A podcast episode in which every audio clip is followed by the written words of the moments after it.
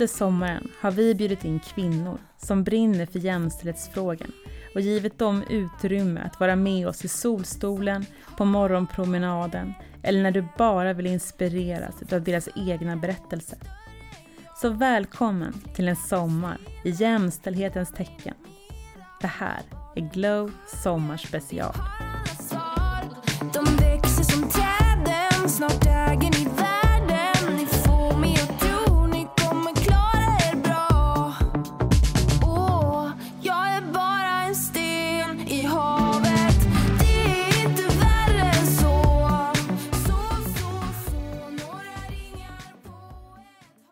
Hej! Vi heter Lina och Mia och vi är grundare till ett företag som heter Food Pharmacy. Och idag, idag ska vi prata om jämlikhet. Precis som många andra kvinnor skulle vi kunna ägna den här halvtimmen åt att berätta anekdoter om när våra manliga kollegor erbjöds högre lön trots att de hade exakt samma arbetsuppgifter som vi. Eller om när vår gifta chef hux flux började tafsa på oss när han hade druckit några för många snapsar på julfesten. Eller om hur ojämlika våra äktenskap plötsligt blev den dagen vi blev mammor. Men idag tänkte vi faktiskt ta chansen att berätta om något helt annat. Ett ytterligare område där det råder stor ojämlikhet, men som i sammanhanget kanske är lite bortglömt. Nämligen, bam, bam, bam, vår hälsa. Det är nämligen som så att hälsan i Sverige är mycket mer ojämlikt fördelad än vad du kanske tror. Det står till exempel helt klart att högre utbildning har ett samband inte bara med en bättre hälsa, utan att det även ökar chanserna för att du överlever om du drabbas av en svår sjukdom. Ja, och trots att vi bor i ett land där vården är skattefinansierad så har faktiskt ekonomin ett mycket större samband med hälsan än vad många av oss hade gissat. Ett ytterligare exempel på hur ojämlik hälsan är, är att många invandrargrupper har en sämre hälsa. Och när vi tittar på män så ser vi att de i större utsträckning än kvinnor lider av övervikt och fetma, som ju faktiskt är en av de främsta riskfaktorerna för några av våra största livsstilsrelaterade sjukdomar idag. Å andra sidan så är kvinnor överrepresenterade när det kommer till stressrelaterad ohälsa. Ja, men precis. För nästan exakt sex år sedan så påbörjade vi själva varsin resa mot ett mer hälsosamt liv. Året var 2014 och för att göra en lång historia kort så hade tre kvinnor i vår absoluta närhet gått bort under loppet av ett år. Alla i cancer och alla alldeles för unga.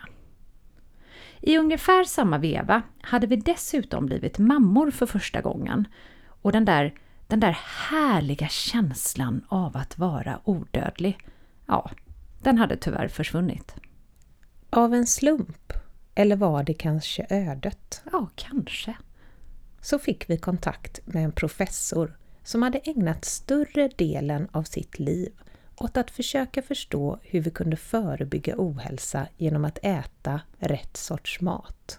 Vår nya bekantskap öppnade dörren till en helt ny värld för oss. Vi lärde oss inte bara att den mat vi själva ätit under våra 35-åriga liv snarare bidrog till att göra oss sjuka än friska, utan också att vi själva hade mycket större makt över vår hälsa än vad vi någonsin hade kunnat tro. På många vis svindlande information som vi bara hade svårt att släppa. Kort därefter föddes vårt företag, Food Pharmacy. Och sedan dess har vi faktiskt ägnat varje dag åt att lära oss mer om sambanden mellan vad vi äter och hur vi mår. Och inte minst med att nå ut med den här livsviktiga kunskapen via våra kanaler, vår blogg, vår podd och våra böcker till så många människor som vi bara kan. Vi brukar säga att Food Pharmacys mål är att förbättra folkhälsan och absolut, visst, det är ett stort uppdrag, men vi har gett oss tusan på att klara det. Och då, då måste vi ju förstås nå ut till alla grupper i vårt samhälle. Ja, och just därför tar vi helt enkelt chansen nu och använder det här sommarpratet till att fokusera på att nå ut till så många som möjligt med vårt budskap och dela med oss av våra enkla förändringar som du kan göra för att förbättra din hälsa, faktiskt redan idag. Oavsett vilken utbildningsnivå, etniskt ursprung eller vilket kön du är begåvad med. Nu kör vi!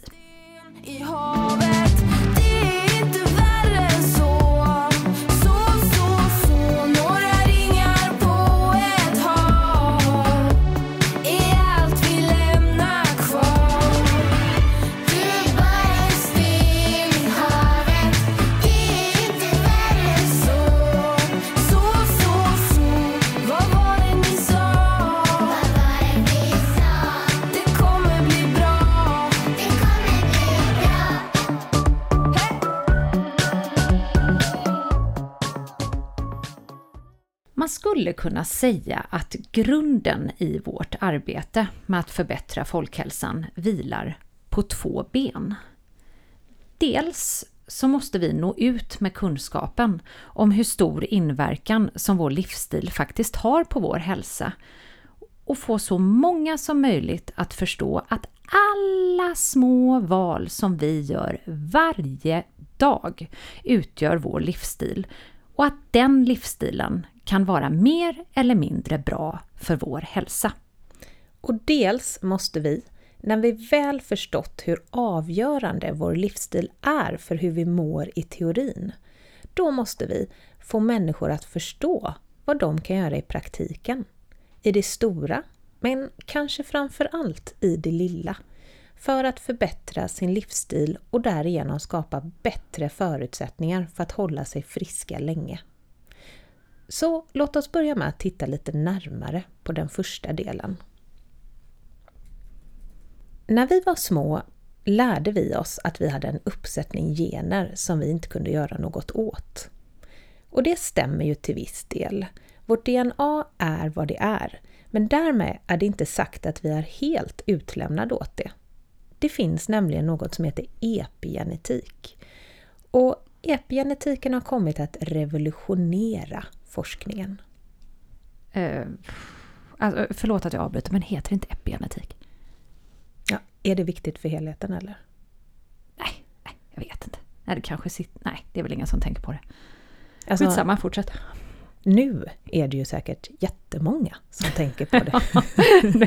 Du har en poäng. Vi, vi hoppar över det och så fortsätter vi. Okej, enkelt förklarat så innebär epigenetik att vår livsstil kan påverka huruvida en gen kopplas på eller inte.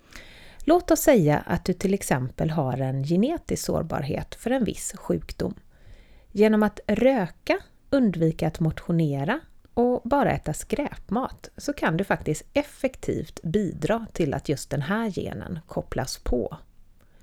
Men på samma sätt som du kan hjälpa en gen att kopplas på så kan du med en god livsstil fördröja eller i bästa fall kanske till och med förhindra att genen alls kopplas på.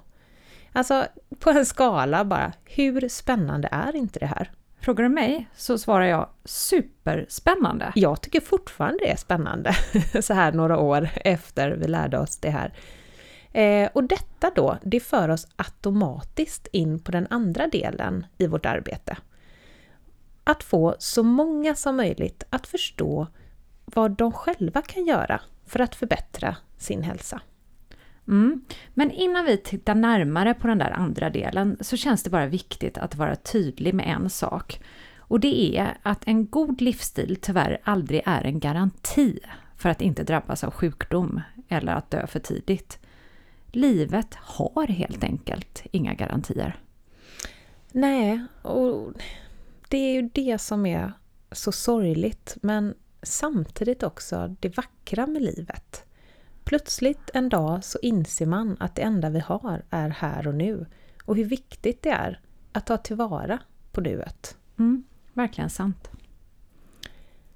Men om vi lämnar filosofi och istället hoppar över till statistiken så vågar vi lova dig att en god livsstil drastiskt ökar dina chanser att leva frisk längre. Så vad innebär då en god livsstil i praktiken? Jo, livsstilen består ju förstås av många fler delar än vad du äter. Vi har ju bland annat sömn, motion, sociala relationer och stress. Och det absolut viktigaste här, det är faktiskt att inte glömma någon del av livsstilen. Det är alltså viktigare att du har någon form av balans mellan de olika områdena och gör lite i varje fält än att vara bäst i klassen inom bara ett område. Till exempel om du äter helt perfekt men samtidigt sover helt uselt och aldrig rör på dig. Det är inte balans. Nej, och med det sagt så kommer vi i det här sommarpratet att fokusera på maten. Dels eftersom det är inom det här området som vi själva har mest kunskap, men faktiskt också för att det är just maten, eller rättare sagt våra ohälsosamma matvanor, som idag utgör den enskilt största risken att dö för tidigt eller bli sjuk i Sverige. Och du, det här är ingenting som vi har hittat på.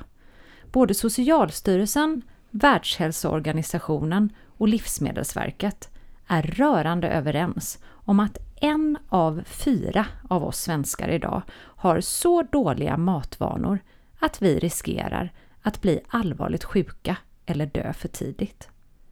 Och enligt Livsmedelsverket så är det faktiskt bara en av tio som har tillräckligt goda matvanor. Så låt oss ta det från början. Många av oss har bilden av att det råder stor oenighet om vilken mat som är hälsosam och inte. Och visst, det finns en hel del motstridig forskning om mat.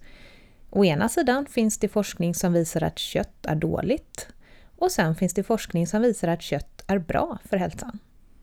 Det finns forskning som visar att mjölk bidrar till vissa sjukdomar och sen finns det forskning som visar att det hämmar andra det finns forskning som visar att kaffe är en av de starkaste antioxidanterna, men att just framställningen av kaffet gör det giftigt. Ja, du hör ju, det är lätt att bli förvirrad. Det är verkligen lätt att bli förvirrad och det är ju supersynd eftersom det i sig gör att så många människor stänger öronen och slutar lyssna. Det kommer ju nya rön hela tiden, i alla fall upplever vi det så. I samma sekund som det kommer en ny studie om, säg, hur bra det är med broccoli, ja men då kommer det ju alltid någon annan smart person som säger att den där studien, den är inte tillförlitlig.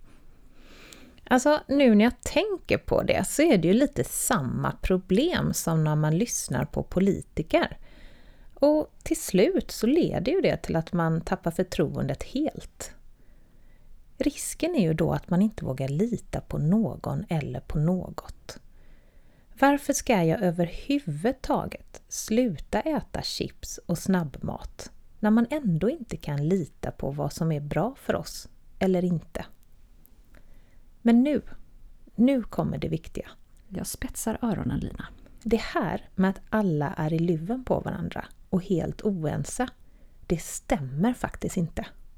I Sverige förser tre statliga verk oss med kostrekommendationer.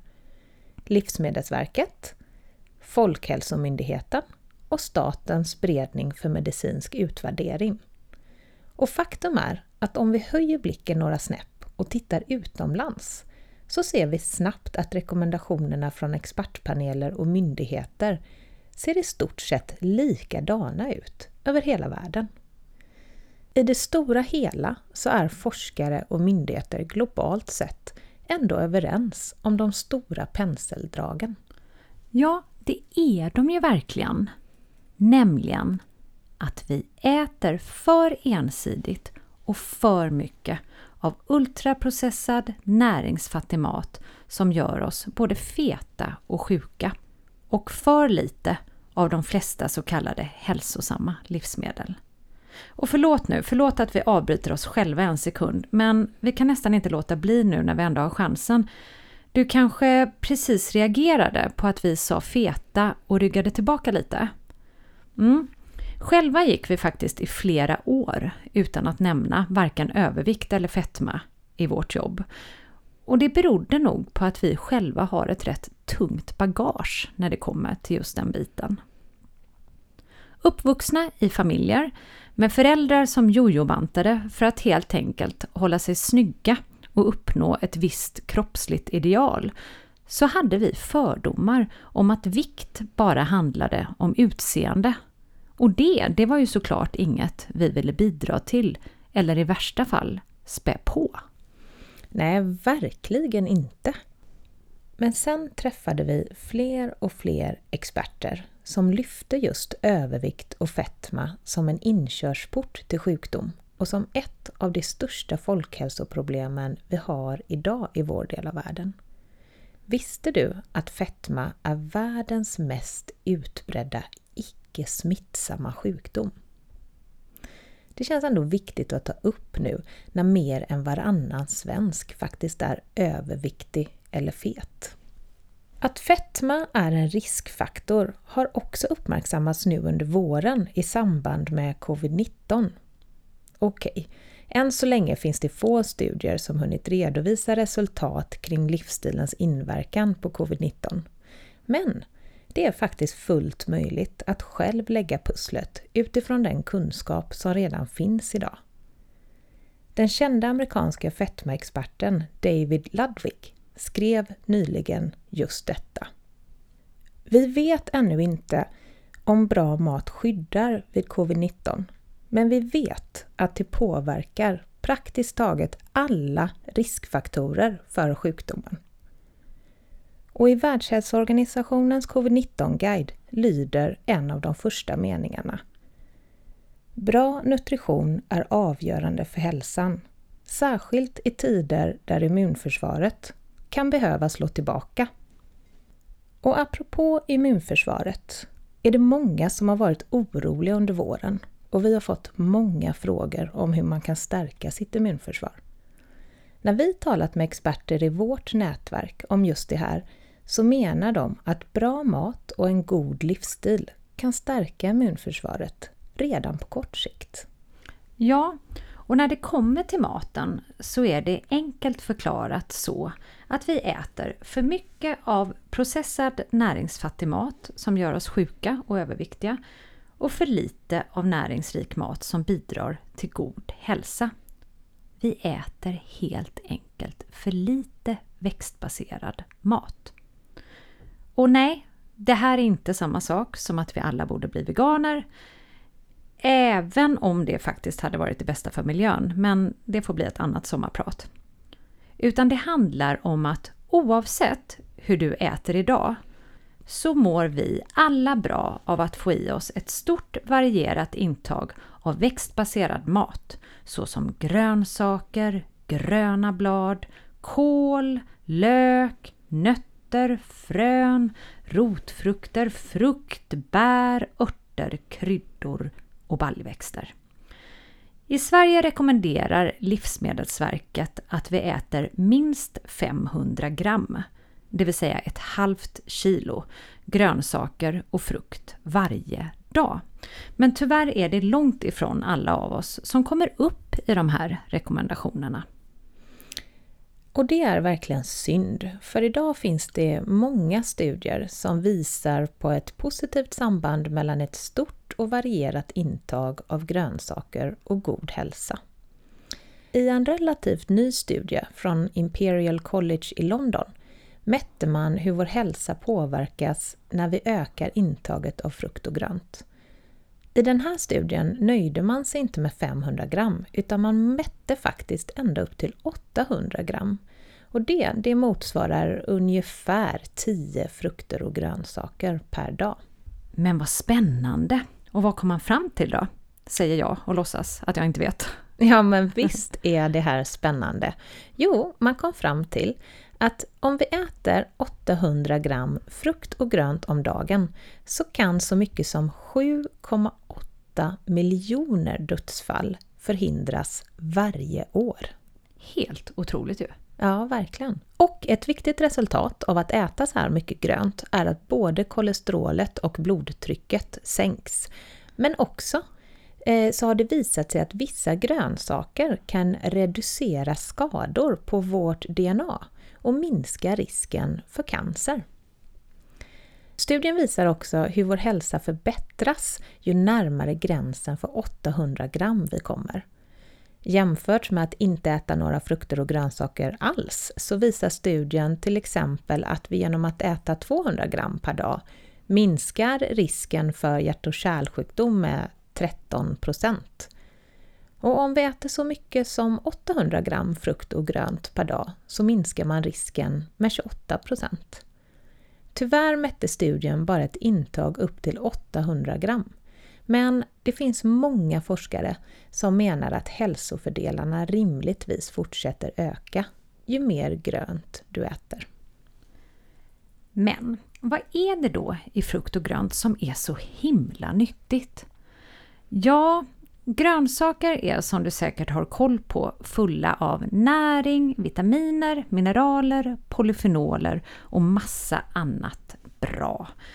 Men många forskare menar faktiskt att en av de allra viktigaste komponenterna i växtbaserad mat kan vara fibrerna. Idag vet vi att ett högt intag av fibrer förlänger livet. Och när man väl har presenterats för den här kunskapen, då blir man ju rätt deppig när man förstår hur fiberfattig den där ultraprocessade maten som vi hittar i mataffärerna är. Ja men alltså, verkligen.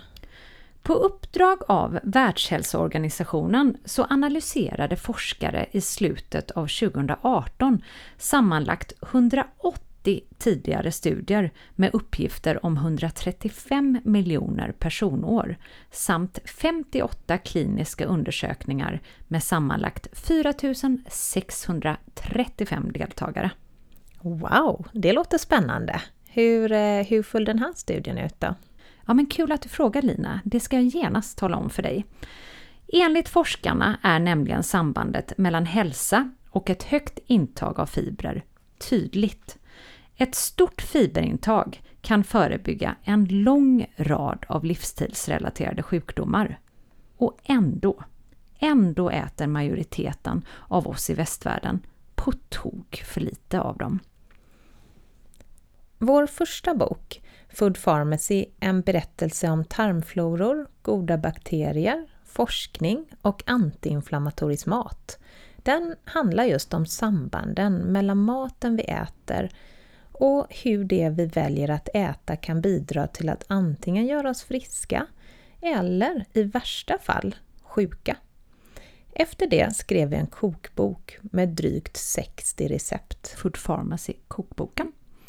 Men trots det fick vi dagligen mejl från människor som visserligen hade förstått att maten hade stor påverkan men inte riktigt fått kläm på hur de skulle få till den där förändringen. Där och då föddes idén till vår tredje bok och i augusti förra året släpptes äntligen Näringsjägaren. Målet med den här boken är väldigt tydligt. Vi vill göra det ännu enklare för folk att få i sig mer växtbaserad mat. Och till vår hjälp så har vi tagit fram en näringsjägarkompass. I den här kompassen har vi helt enkelt samlat alla de livsmedel som vi generellt äter för lite av, men som den samlade forskningen kring mat och hälsa rekommenderar oss att äta mycket av. Mm. Och alla livsmedel som ingår i näringsjägarkompassen, de är fyllda av näring och fibrer.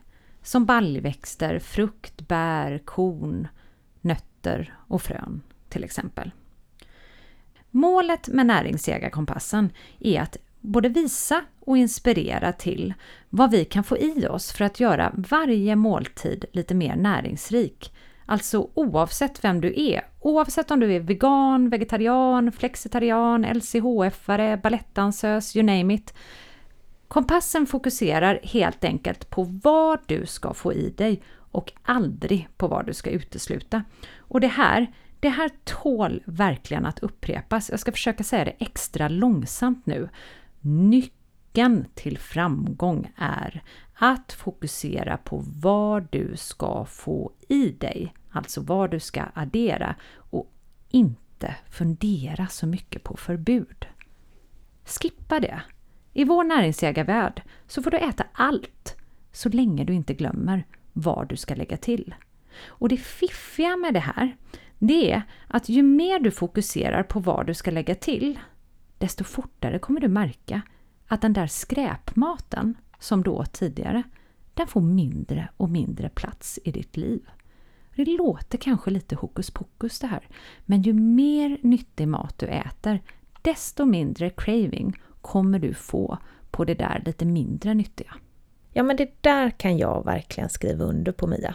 Och för oss själva så har ju det här varit en stegvis process. Och utan att överdriva så gick vi från att allt vi stoppade i munnen under en dag bidrog till ohälsa till att idag, några år senare, allt vi stoppar i munnen bidrar till hälsa. I alla fall nästan allt. Och med det sagt så händer det såklart att vi gör avsteg och äter onyttiga saker. Det är ju självklart. Det var lite det jag försökte säga. Bara det att förut så var det en regel att äta onyttigt och ett undantag att äta nyttigt. Men idag är förhållandet prick det motsatta. Och under den här resan så har kompassen fungerat som en stor inspiration för oss. När det kommer till mat så handlar det ofta om att laga det som sitter i ryggmärgen. Men genom att samtidigt då slänga ett öga på kompassen och lägga till saker från den så kan man faktiskt göra snabbköttbullar och makaroner nyttigare. Ja, man kan helt enkelt näringspimpa vilken vardagsrätt som helst. Näringsjägarkompassen hjälper oss helt enkelt att fylla tallriken med stora mängder av växtbaserad mat. Här är det viktigt att förstå att det tyvärr inte finns något sånt där mirakellivsmedel som innehåller allt vi behöver. Att överäta en enskild grönsak är aldrig något att rekommendera. Till och med något så nyttigt som broccoli kan ha en negativ inverkan om man överkonsumerar den. Så därför är en stor variation A och O. Och på tal om det, visste du att 60% av all energi som äts här på jorden idag kommer från enbart fyra grödor? Det är majs, vete, ris och potatis.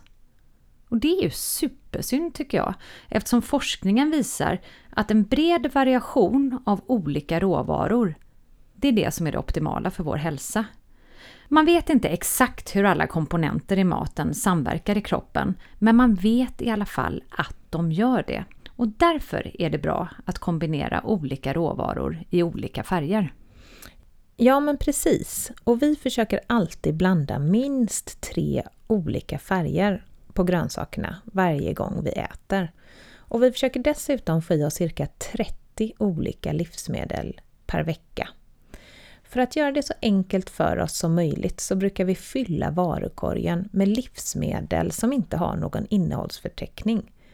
Ja, som en tomat till exempel. Eller en påse quinoa. Ja, och sedan går vi hem och lagar maten själva. Och vi är båda skilda småbarnsföräldrar och vi har inte mycket tid över på vardagarna. Så, Ja, det ska gudarna veta att vi inte har. så kan vi, så kan du. Vi lovar att det finns en hel uppsjö av nyttiga recept som går precis lika snabbt att laga som den där korvstroganoffen. Behöver du inspiration och recept så finns det mängder av dem på nätet. Och inte minst så hittar du massor av smarriga recept på vår blogg foodpharmacy.se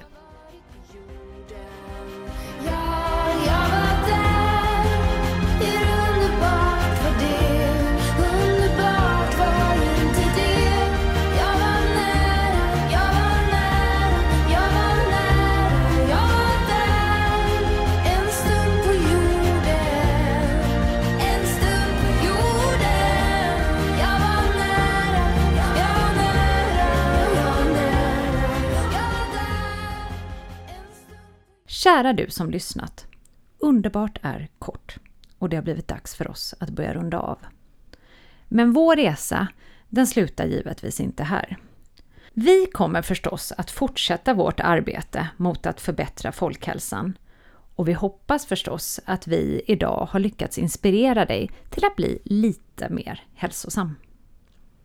Hur man tar hand om sin egen hälsa borde verkligen tillhöra allmänbildningen. Och förhoppningsvis så är det något som vi i framtiden kommer att lära oss redan i grundskolan. Visst, det är tveklöst så att det behövs mer vetenskaplig forskning. Men redan idag finns det faktiskt hundratusentals exempel på människor som förbättrat sina liv genom livsstilsförändring. Vi får dagligen mejl från människor som lindrat eller botat sig själva. Allt från små krämpor och autoimmuna sjukdomar till svåra livsstilsrelaterade sjukdomar. Om du känner någon som behöver hjälp eller om du tror att du själv skulle kunna bli hjälpt av maten, lova oss att du vågar prova. För du har verkligen ingenting att förlora. Ingenting. Tvärtom ska du få ynnesten att äta massa härlig näringsrik mat. Och i värsta, värsta fall så leder du bara till mängder av goda matupplevelser och en förbättrad allmänhälsa. Ja, men precis. Och när du ändå är igång och börjar addera nyttigheter, varför inte göra för vana att addera saker från fler områden? Jag tänker en lugn promenad genom sommarkvällen, en stunds meditation precis när du vaknar. Du kanske, du kanske ska ringa någon du har tänkt att du ska ringa länge. Ring någon du saknar. Smäll av ett leende till någon främling, bara för att. Ta ett nakendopp med någon du gillar lite extra mycket.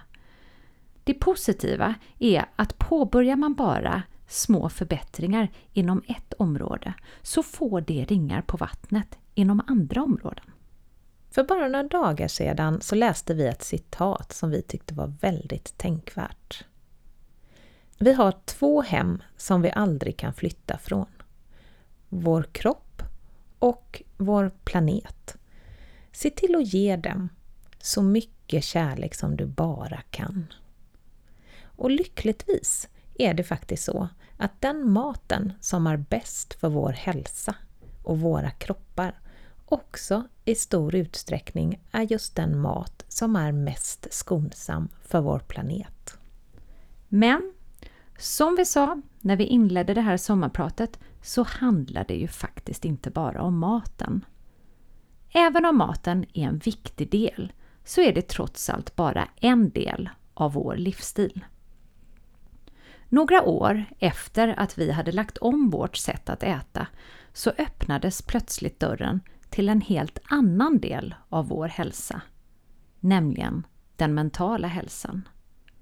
För det är faktiskt som så att du kan äta precis hur mycket broccoli som helst. Du kan träna varje dag, gå 10 000 steg om dagen. Men är du inte snäll mot dig själv så är du ändå inte hälsosam. Men det, det får bli ett annat sommarprat. Det finns mycket här i världen men det enda man kan vara säker på är tack förlåt.